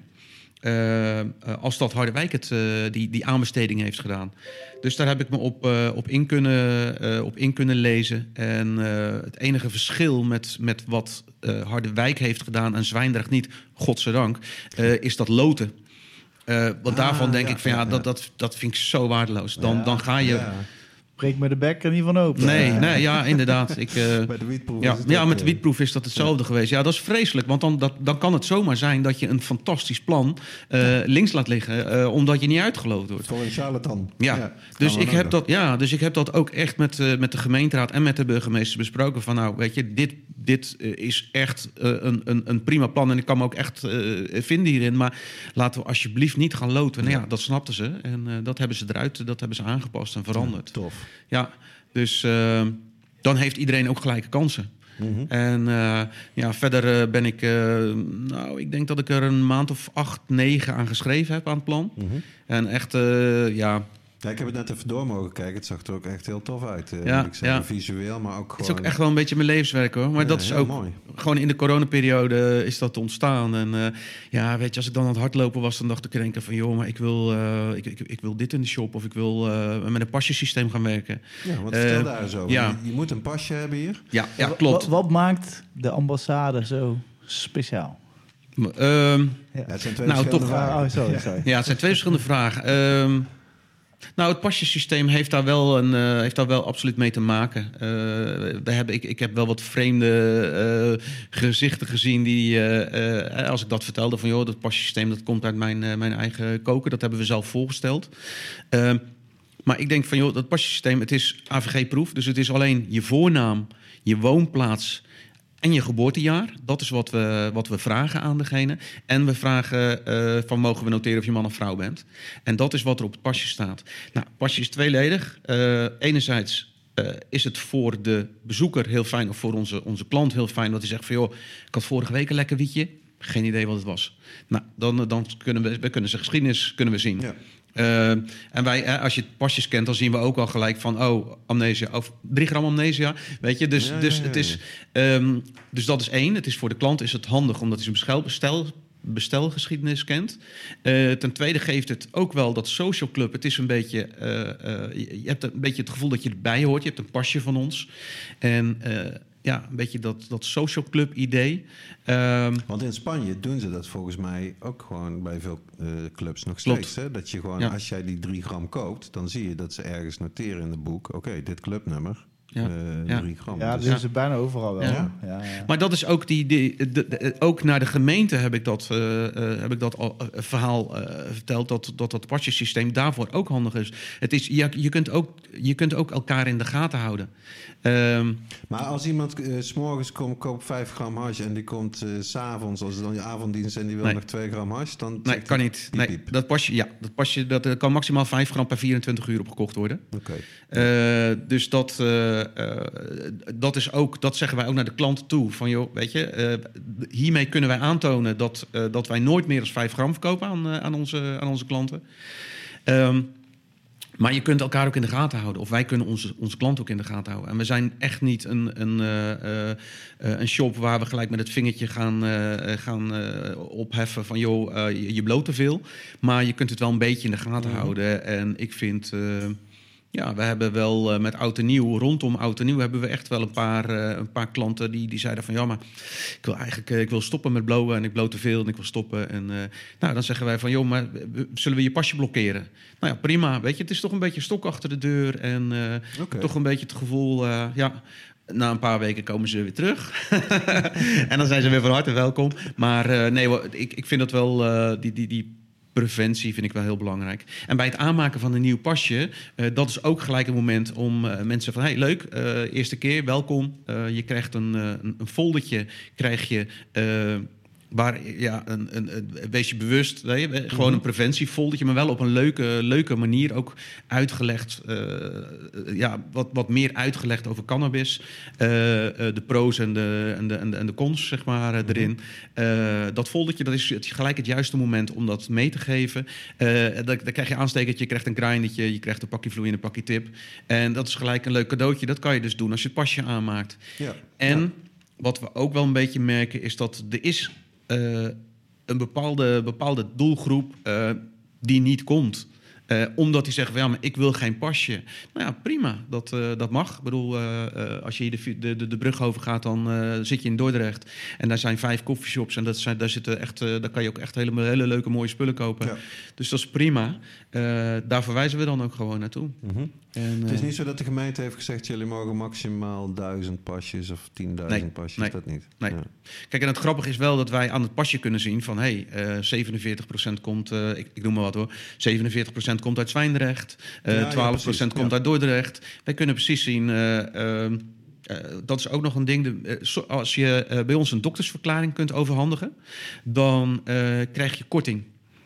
En die korting die zetten we op je pasje. Krijg je 12 maanden lang krijg je een, echt een flink percentage korting op alle cannabisproducten. ja, moet ik dat zeggen hier? 40 procent. Ja, dat is en dat is echt, ja, ja dat is echt wel, uh, ja. En we hebben, we zien ook het percentage medicinale klanten zien, we, zien we stijgen. -hmm. En ja, die ja, zijn mensen die hebben daar echt baat bij. En nou, dat, wat, dat, is, dat, dat, hangt samen met de winst die wij terug moeten, terug moeten laten vloeien in de maatschappij. Nou, een deel van die winst, die ja, die wordt dus verwerkt in, ja, ja, ja, in, in, deze, in die medicinale gebruikers. En super concreet. Ja. Niks aan de strijkstok. Nee. Dat gaat echt naar de patiënt. Klopt, klopt. Ja, de, twee dingen. Je, je, je zei net al heel kort. Jullie laten alles testen.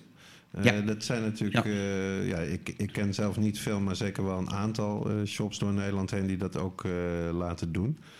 Ehm, die informatie is ook beschikbaar, zou ik. Er lag een map op de, op de bar, hè? ja. ja. ja zijn we ook, uh, ja, dat, dat, is ook echt wel een onderscheidende factor. En er zijn er inderdaad meerdere, meerdere shops en ik, ik juich dat van harte toe hoor. Want uh, jij weet ook dat het formeel is het verboden. Hè, formeel is het verboden, ja, ja. klopt. Ja. ja. Maar ja, er zijn wel meer dingen formeel ben, verboden. Ja, zeker in de koffieshop. Ik heb het, ja, precies. Nou, ik, sterker nog, ik heb het gewoon in mijn plan gezet. Uh, dat, ik het, uh, dat wij alleen maar geteste uh, producten. Okay. Omdat ik, ik vind dat gewoon een bepaalde verantwoordelijkheid ja. die ik heb. Ja. om goede kwaliteit te kunnen bieden. En eerlijk is eerlijk, ik, weet, ik, ik durf best wel te zeggen dat ik er een hoop van af weet. Maar ik kan echt niet alles zien. Of het te veel te veel pesticiden in zit, mm -hmm. ja, ik kan dat niet zien. En Want daar wordt wel ook op getest. Ja, door, uh, ik vind uh, pesticiden en, en, schimmels, dat zijn voor mij ja. eigenlijk de twee belangrijkste. Dat, dat blijkt ook uit ja. de consumentenenquêtes. Nummer ja. één worry is, is het vervuild, zit pesticiden op. Precies. Daarna komt pas inderdaad hoeveel THC, hoeveel CBD, weet ik wat allemaal. Nee, dat is en dat is ook wel grappig, want in die testrapporten, uh, wij hebben sommige wietjes die hebben 15, 16 procent THC. En dan vindt de klant dat te weinig. En dan denkt van, nou, nee, je moet hem eens roken. Want uh, dat hoef ik jullie niet te vertellen. THC, uh, THC-gehalte alleen zegt ja, niet alles. Ja, ja zegt vrij weinig. Hè? En dat, uh, maar goed, ik vind het wel heel... Ik ben wel trots op het feit dat steeds meer mensen die map pakken. En dat steeds meer mensen ook echt even de tijd nemen om, om eens even, we hebben hier uh, 22 soorten uit mijn hoofd gezegd, echt eens even uh, wat door te vragen. En uh, ja, zeker ook medicinale klanten. Hè. Er zijn Mhm. medicinale klanten die zeggen van, joh, maar ik wil een, ik, ik, ik heb van mijn dokter, ik, we hadden laatst iemand met clusterhoofdpijnen. En die zei van, mijn dokter heeft aangegeven dat ik een wietje moet hebben met een hoog, of een hasje, met een hoog CBN-gehalte. Mhm. Ja, top. Ja. Weet je? Nou, Ja. pakken we de map erbij, gaan we samen kijken. Nou ja, onze, de- wauw. ja bepaalde soortjes, hoppakee, die zijn heel hoog in CBN. Eh, ja, dus ja, dat is heel Die leuk. dokter moeten we ook maar eens een keer eh, hier uitnodigen. Want dat is wel een wijs man, eh, Ja. hoor ik al. Nou, dat klopt. ja, dat, eh, serieus, ja, dat hoor ja. je niet vaak van dokters die Nou ja, zo langzaam, eh, langzaam, speci- hè, begint het wel te komen hoor, heb ik het idee. Dat het, eh, het heeft heel lang geduurd, maar... Ja. Nou, wij hebben hier echt, eh, wij hebben hier echt wel een redelijk percentage met, eh, met medicinale klanten. En tuurlijk zal er, eh, zal er eens iemand zijn die daar misbruik van Mhm. maakt. Maar over het algemeen zijn het echt wel, echt wel mensen met, ja, met, met flinke aandoeningen. En zelfs mensen die echt uitge, uitbehandeld zijn. En ehm, ja, Ja. dus eh, ja, op die manier kan je, kan je daar een steentje aan bijdragen. Ja, maar het- het andere ding, de Stichting Coffeeshop, dat is ook misschien niet iedereen kent die. eh, Mag ik nog één keer snel onderbreken nog voor het pasje? Dat tuurlijk, was nog de laatste Tuurlijk. advocaat van de duivel vraag. Eh, als ik stel je voor, ik ben hier als klant, ik wil, als, ik wil lid worden. ja. Delen jullie die gegevens ook met de gemeente? En ook de, bijvoorbeeld de hoeveelheid. Stel je voor, ik haal inderdaad elke dag 5 gram. ja. Dat er inderdaad van de GGZ het kan zien en zegt... nou, die Nee. jongen, die gaan we eens een keer binnenkort eens even een flyertje opsturen. Ja, ja, nee, nee. Eh, kijk, wij weten in principe weten we niks van je. Ja, we weten je voornaam, we weten je, je woonplaats en je geboortejaar. En, en ja, that's it. Dus, dus we weten in principe gewoon niks of heel weinig van onze klanten. Ehm, en nee, we delen die gegevens niet. Wat we wel doen, is dat we... eh, laatst heb ik bij een presentatie heb ik even een infographic gemaakt. En dan kan ik wel laten zien van jongens, kijk eens.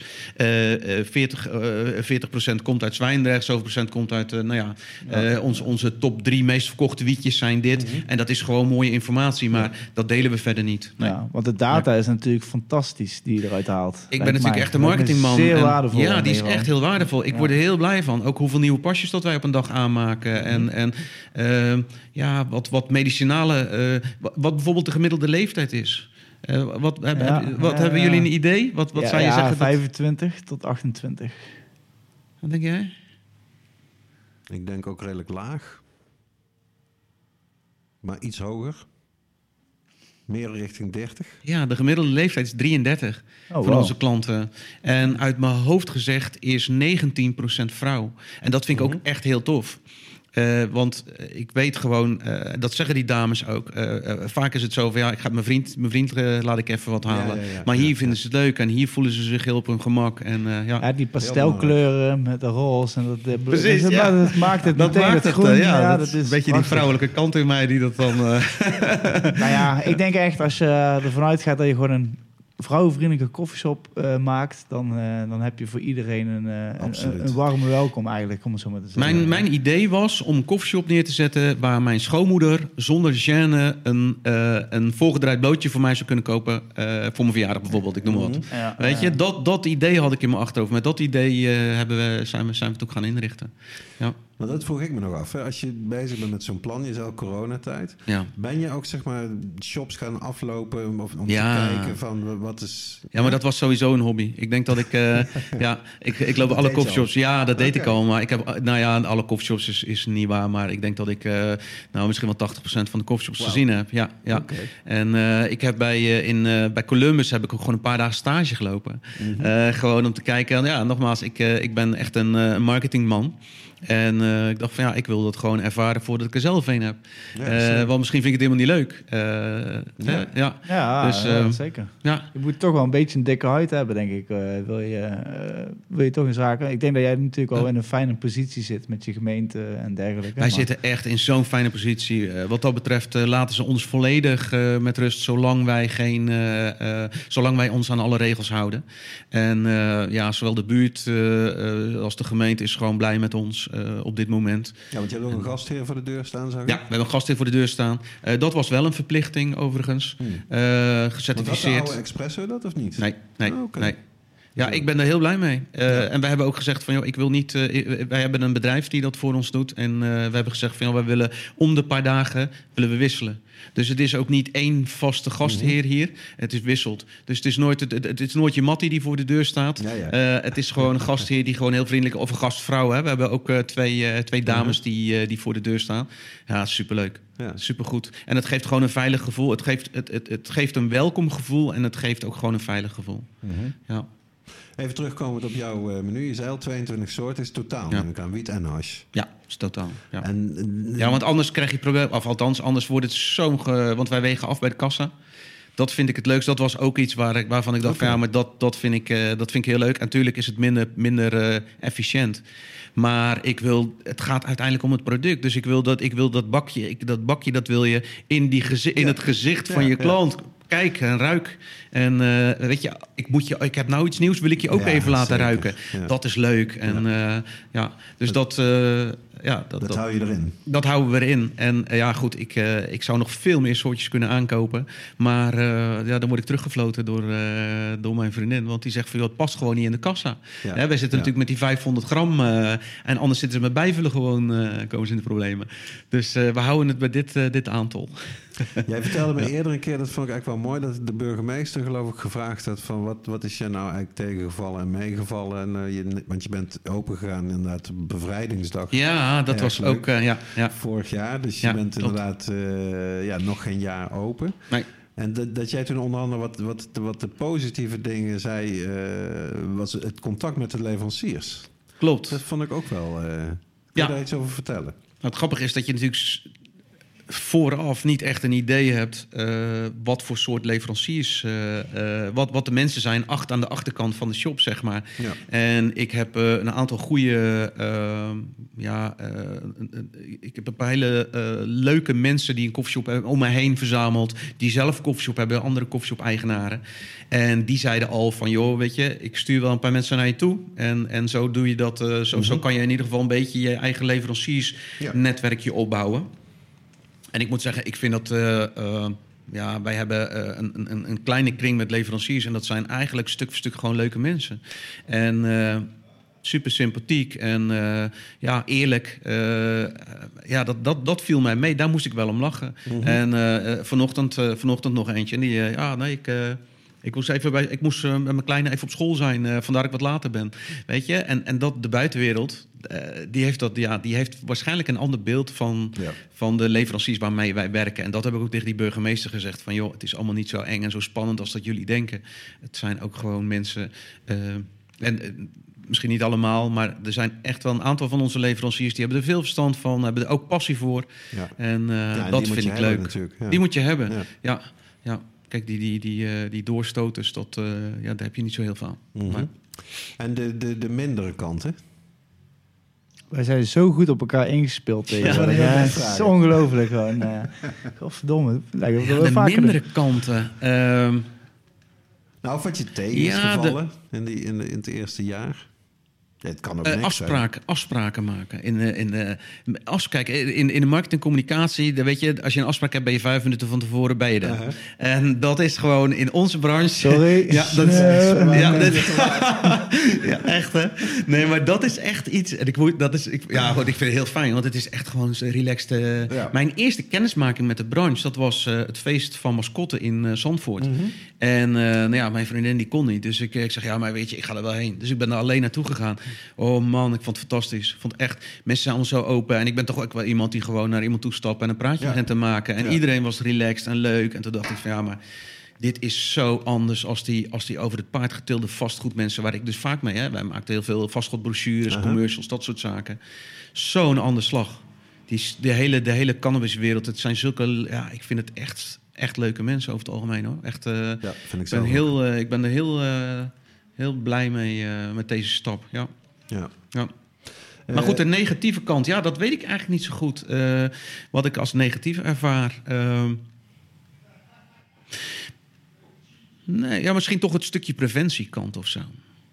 In welke zin? Maar ook dat, nou ja, dat we. Uh, dat er toch van de, vanaf de buitenwereld toch wel het idee bestaat dat, uh, dat er echt heel veel preventie nodig is. Er werd gelijk gezegd, ja, maar wat doen jullie aan preventie? En uh, ja, dat is dan ook wel weer positief, maar echt heel erg aan preventie doen wij op dit moment nog niet. Ik vind het wel ontzettend belangrijk dat we de jeugd goed voorlichten maar dan heb ik het echt niet alleen over softdrugs. Dan heb ik het ook met name over die, over die, vapor, die, die vapers, weet je wel. Mhm. Met die smaakjes waar heel veel nicotine in zit. Uh, uh, als, als ik hoor dat, dat er gewoon uh, speed en pillen op school... Mhm. echt als, ja, gewoon als dagelijks als, gebruikt worden onder die jongeren, 11, 12 jaar...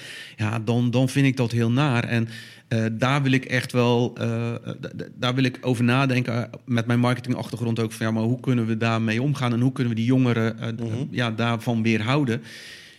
Maar ik zie in mijn doelgroep, in mijn klantenkring, zie ik, nou ja, eigenlijk geen schrijnende gevallen of zo. Mm -hmm. Of weet je, en dat. Een van mijn stokpaardjes is altijd dat die twee woorden voorlichting en preventie bijna altijd in één adem worden genoemd, terwijl ik het heel verschillende dingen vind. Je moet Helemaal degelijk voorlichting geven. Ja, Maar uiteindelijk ligt de keus bij volwassen mensen. Want we zijn volwassen burgers. En preventie betekent letterlijk het voorkomen dat iemand gebruikt. Is heel raar. Het zou ook heel raar zijn als een café dat doet of welk ander commercieel bedrijf ook. Ja. Dat, dat zegt, ja, we gaan een programma beginnen dat mensen zo, zo min mogelijk in de winkel komen of zo min mogelijk hier kopen. Is heel, heel gek. Ja. Maar je kan ze inderdaad voorlichten over al die dingen. En dat, dat, dat lijkt me heel goed ondernemerschap voor iedereen. Ja. En Klopt.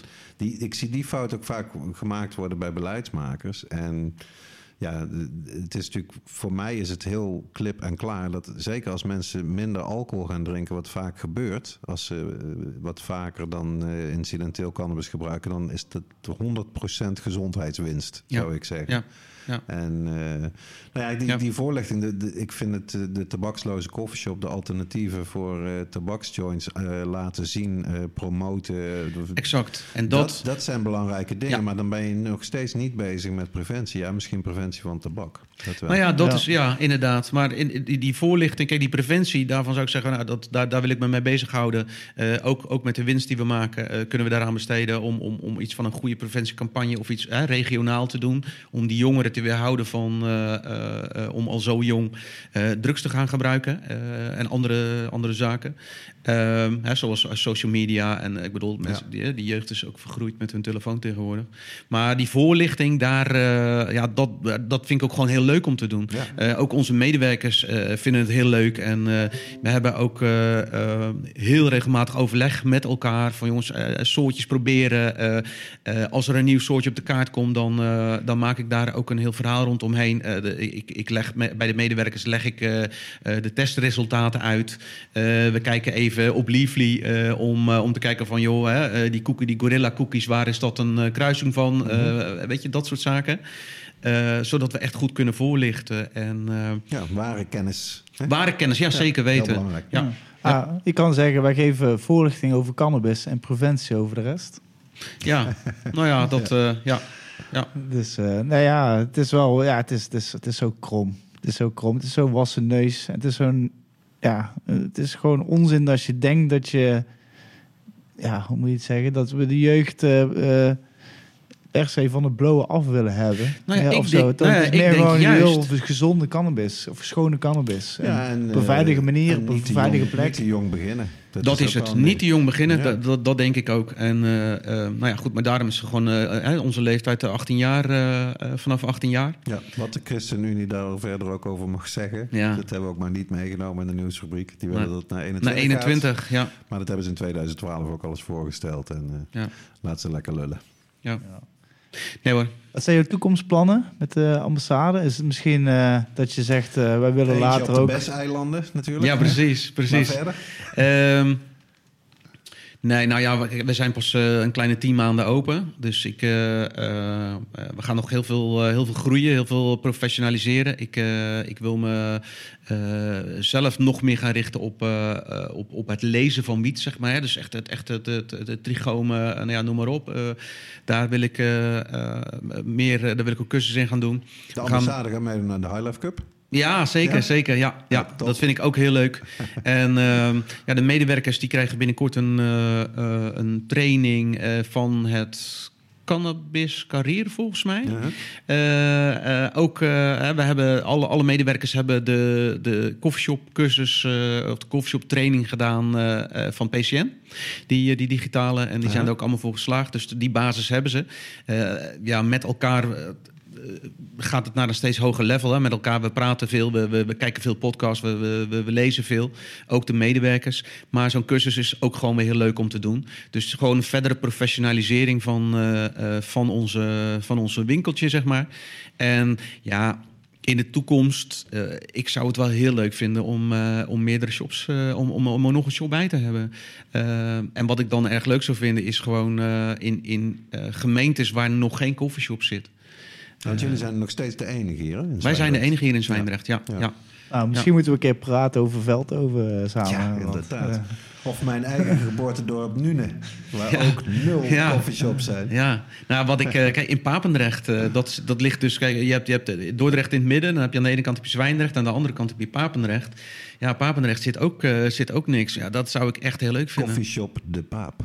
Ja, nee, gewoon de ambassade Papendrecht. Ja. en dan heb je Ja, de ambassade Zwijndrecht, ambassade wel cool, Eindhoven, ambassade Schoonhoven, noem maar op. Nou, ik eentje laten openen door eh, Darpan van eh, de Canna Embassy in eh, Den Haag. Onze Ja. oude VOC-strijder, medestrijder ook. Ja. nou, ik ben er in ieder geval van overtuigd dat we nog veel meer gaan horen van, eh, van Edwin. Dus eh, ja, ik vind het in ieder geval, ik ben eh, zeer positief verrast. Het ziet er prachtig uit, mooie producten. Eh, je hebt gewoon een, je hebt een fijn En gevoel hier ook. Een dus, consumptieruimte.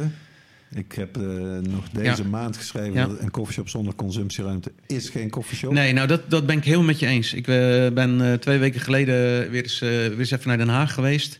En toen zijn we naar Kremers, Mhm. bij Kremers geweest. Ja, daar word ik toch ook wel heel blij van. Ja. Dat, ja, ik vind dat wel heel leuk. Ik, of, dat, of dat ik bier zou schenken, dat, dat, dat, dat weet ik niet. Maar zo'n zo'n leuke, gezellige ja, kroeg is het eigenlijk waar je kan blowen. Ja. Superleuk. Kijk, wij hebben een vrij kleine eh, eh, rokersruimte. Maar het is altijd druk. Er zitten altijd mensen en het is zo leuk. We hebben geen televisies, we hebben geen wifi. Weet je, mensen socializen ik hier. Vroeg, ik vroeg namelijk net ook nog eventjes van wat jullie hier Nee. Hebben we niet. Nee, nee dat, hebben, dat is ook echt allemaal, eh, allemaal slim. ontstaan in die afgelopen zeven maanden toen ik dat, of afgelopen me- negen maanden in dat schrijven van dat plan. Telkens kom je dan weer op nieuwe ideeën. En ik denk van ja, eh, bij Espresso hingen de televisies en dan werden je voetbalwedstrijden gekeken en weet ik het allemaal. Ja. Ja, nee.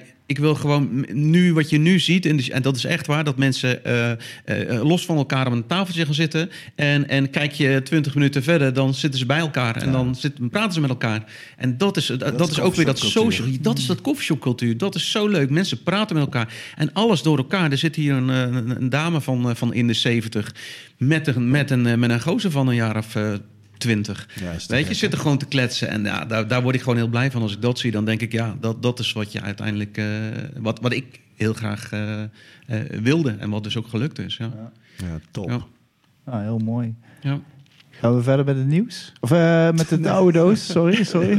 Nee, we gaan van eh, nieuw naar oud, ja. We gaan van nieuw naar oud. Yes. Kom maar op met die oude doos. Naar de oude doos. Even kijken. Oh. Waar- waar is die? Hij, hij heeft er geen, oh, hij heeft er geen zin in. We doen hem open. Dirk, wat zit er deze keer in de, de oude doos? Ja, ik heb meegenomen een, eh, een Nederlands stripboek uit eh, 1981. Het heet... eh, het is, een, het is een, eh, een collectie vertaalde verhalen van de Fabulous Furry Freak Brothers. Die zeker de oudere luisteraar eh, nog wel bekend in de oren zal klinken, die naam. Eh, een Nederlandse vertaling van een aantal van hun eh knotsgekke avonturen. En dat boek heet dan Door de bocht scheuren. Met de vermaarde, behaarde Freak Brothers. En is vertaald door, even bladeren, dat is ook wel bijzonder, door Lydia en Josh Pachter. Het is een eh, man-woman team. Dat moeten stoners zijn geweest. Die, zijn de eh, beste. ja, precies. Where are they now? Vraag je je af. Eh, om een beetje de sfeer te tekenen. Het is natuurlijk moeilijk om een strip helemaal voor te lezen. Maar ik ga toch proberen om dat met één pagina te doen. Dit is wel een primeurtje volgens mij. Zodat je de Free- strip dat wordt voorgelezen. zodat je een Free Brothers in de, in de Nederlandse vertaling eh, kan horen. ik zal er niet de namen bij, eh, bij zeggen van wie het is, maar ze zijn zoals altijd eh, met z'n drieën. Eh, dus ik zal een beetje mijn, mijn, mijn stem veranderen voor de verschillende karakters. Ik zal de andere wat lager zetten. Zo. Ik heb overal gezocht. We hebben geen drugs meer. In welke vorm dan ook. Tijd om mijn nieuwe uitvinding te testen. Wat is dat? Dit is Dr. Freakley's gepatenteerde drugrecycler. Je veegt alle stof en rommel van de tafel in het trechter hierboven. En als ik hem aansluit, gaat het vuil door een serie kleurgevoelige filters. En al die verschillende gekleurde deeltjes komen er hier uit. Dit groene hoopje is duidelijk marihuana. En dit witte poeder is pure cocaïne. Wauw, het is waar. Het is goede, schone shit. Snuif. Ach, ja, inderdaad. Uitstekende kook. Hm, meer komt er niet van de tafel. Laten we nu de bank proberen. Dat was maar een klein beetje. Wat een afgang. Puff, slik. Ja, ik verwachtte meer van die bank. Hij is te nieuw. Ik weet wat. Laten we het tapijt stofzuigen en de stof in Phineas' machine gooien. We hebben het hier al acht jaar. Er moeten ponden shit liggen. Ponden shit. Uren en uren later. Nou, er is een beetje groen en een pietje wit, maar voornamelijk een grote hoop gelig poeder. Wat kan dat zijn? Vast al het bier wat hier ooit gemorst is. Die end. Ja, niet zo'n hele goede payoff, maar toch. Ah, het is voor iedereen een aanrader om een keer eh, die stripboeken te lezen. De En, eh, vermaarde, behaarde Freak Brothers. Ehm, ja, ik zou ze toch gewoon in het Engels eh, lezen. Maar een curiositeit is het eh, zeker in de, voor de oude doos.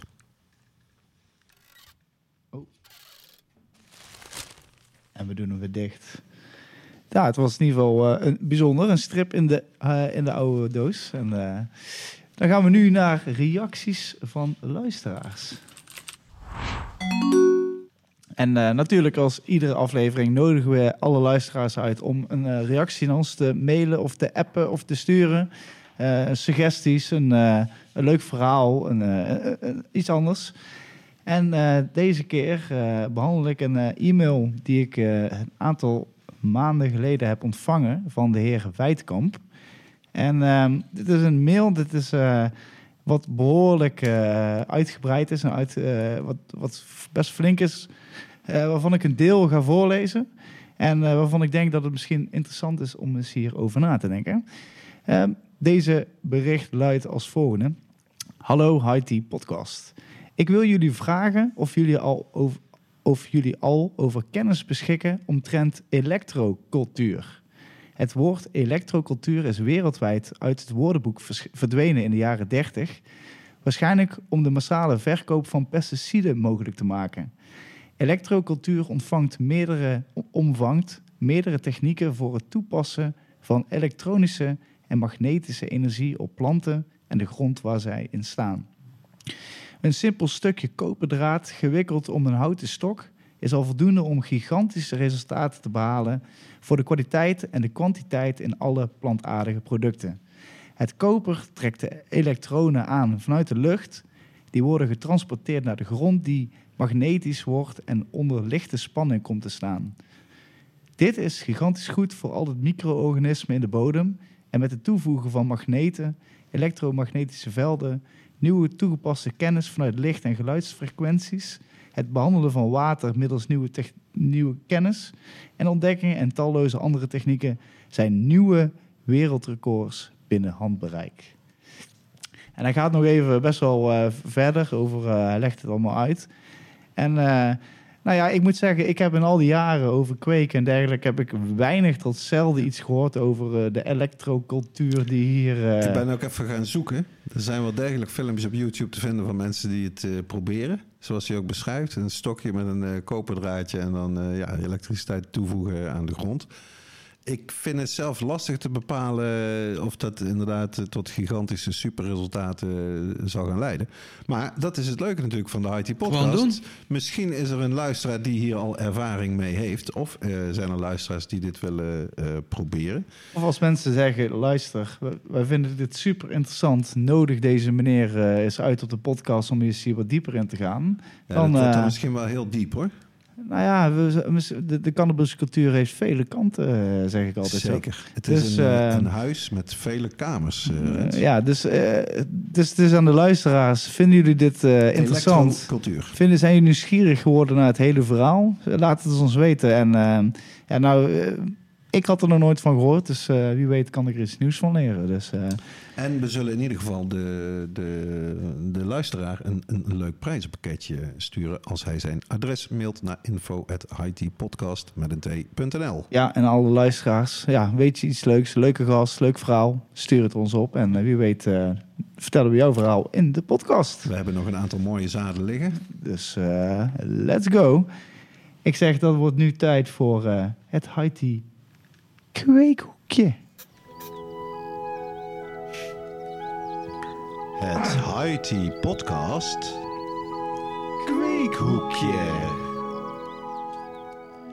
Ja, ik wil het vandaag even hebben over eh, de Gouden Gieter.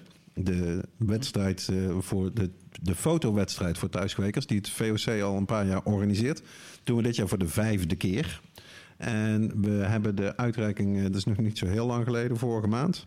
Bij eh, Plantarium in Nijmegen was dat.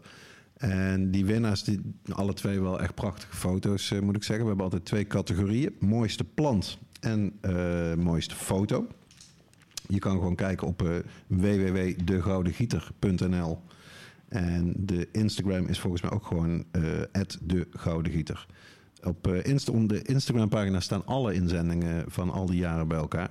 Erg mooi om te zien. En de winnaar mooiste plant, dat was een team. eh, ja, die heb ik dus kunnen ontmoeten eh, voor de prijsuitreiking eh, bij Plantarium in Nijmegen. BK Grow 420 heten die heren. Zeer enthousiast. En ze legden uit dat ze voor de kweek die ze hebben ge- gedaan voor afgelopen jaar... wilden ze eigenlijk alle kweektechnieken die ze op internet, op YouTube hadden gezien... gingen ze proberen bij die ene teelt. Dus alle verschillende vormen van scrogging en buigen en weet ik wat. Het enige wat ze niet deden, ik denk ook verstandig, is eh, de stam splitten. Dat zie je ook nog wel, hè? dat mensen gewoon een hele dikke spijker midden door de hoofdstam heen rammen in het idee meer stress is uiteindelijk betere wiet. Die vonden ze te ver gaan, maar voor de rest hebben ze van alles gedaan. Dus eh, ik eh, heb ze gevraagd of ze het misschien leuk vinden om een keer eh, te gast te zijn in de IT podcast. Want nou ja, de kweekkennis vloog me om de oren daar. Leuk hè? Leuk is dat. Bij Plantarium. Dus dat, was, dat vonden ze erg leuk. Dus ik denk dat we binnenkort deze mannen mogen verwelkomen met z'n tweeën van de BK Grow 420. En voor alle meeluisterende thuiskwekers zou ik zeggen, doe dit jaar mee aan eh, de Gouden Gieter.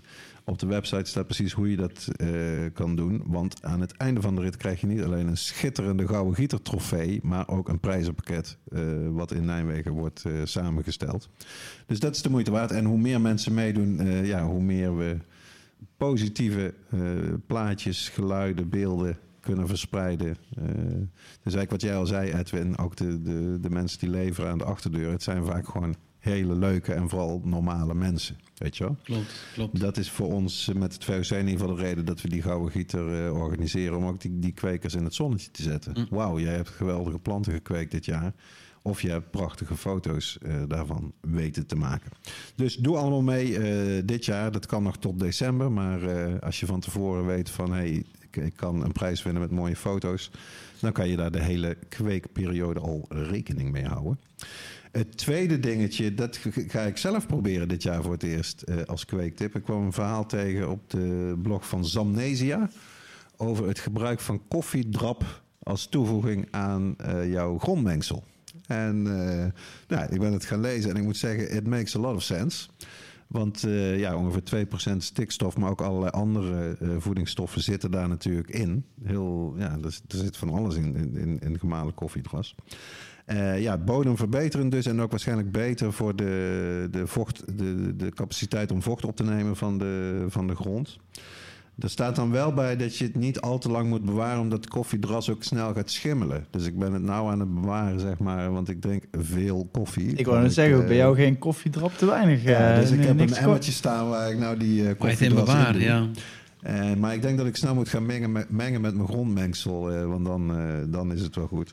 Want nou ja, de lente die is toch alweer bijna in aantocht. Hè? De merels hoor je s'morgens alweer keihard zingen. Ja. Dus Ja. eh, de tijd om te zaaien komt eh, dichterbij.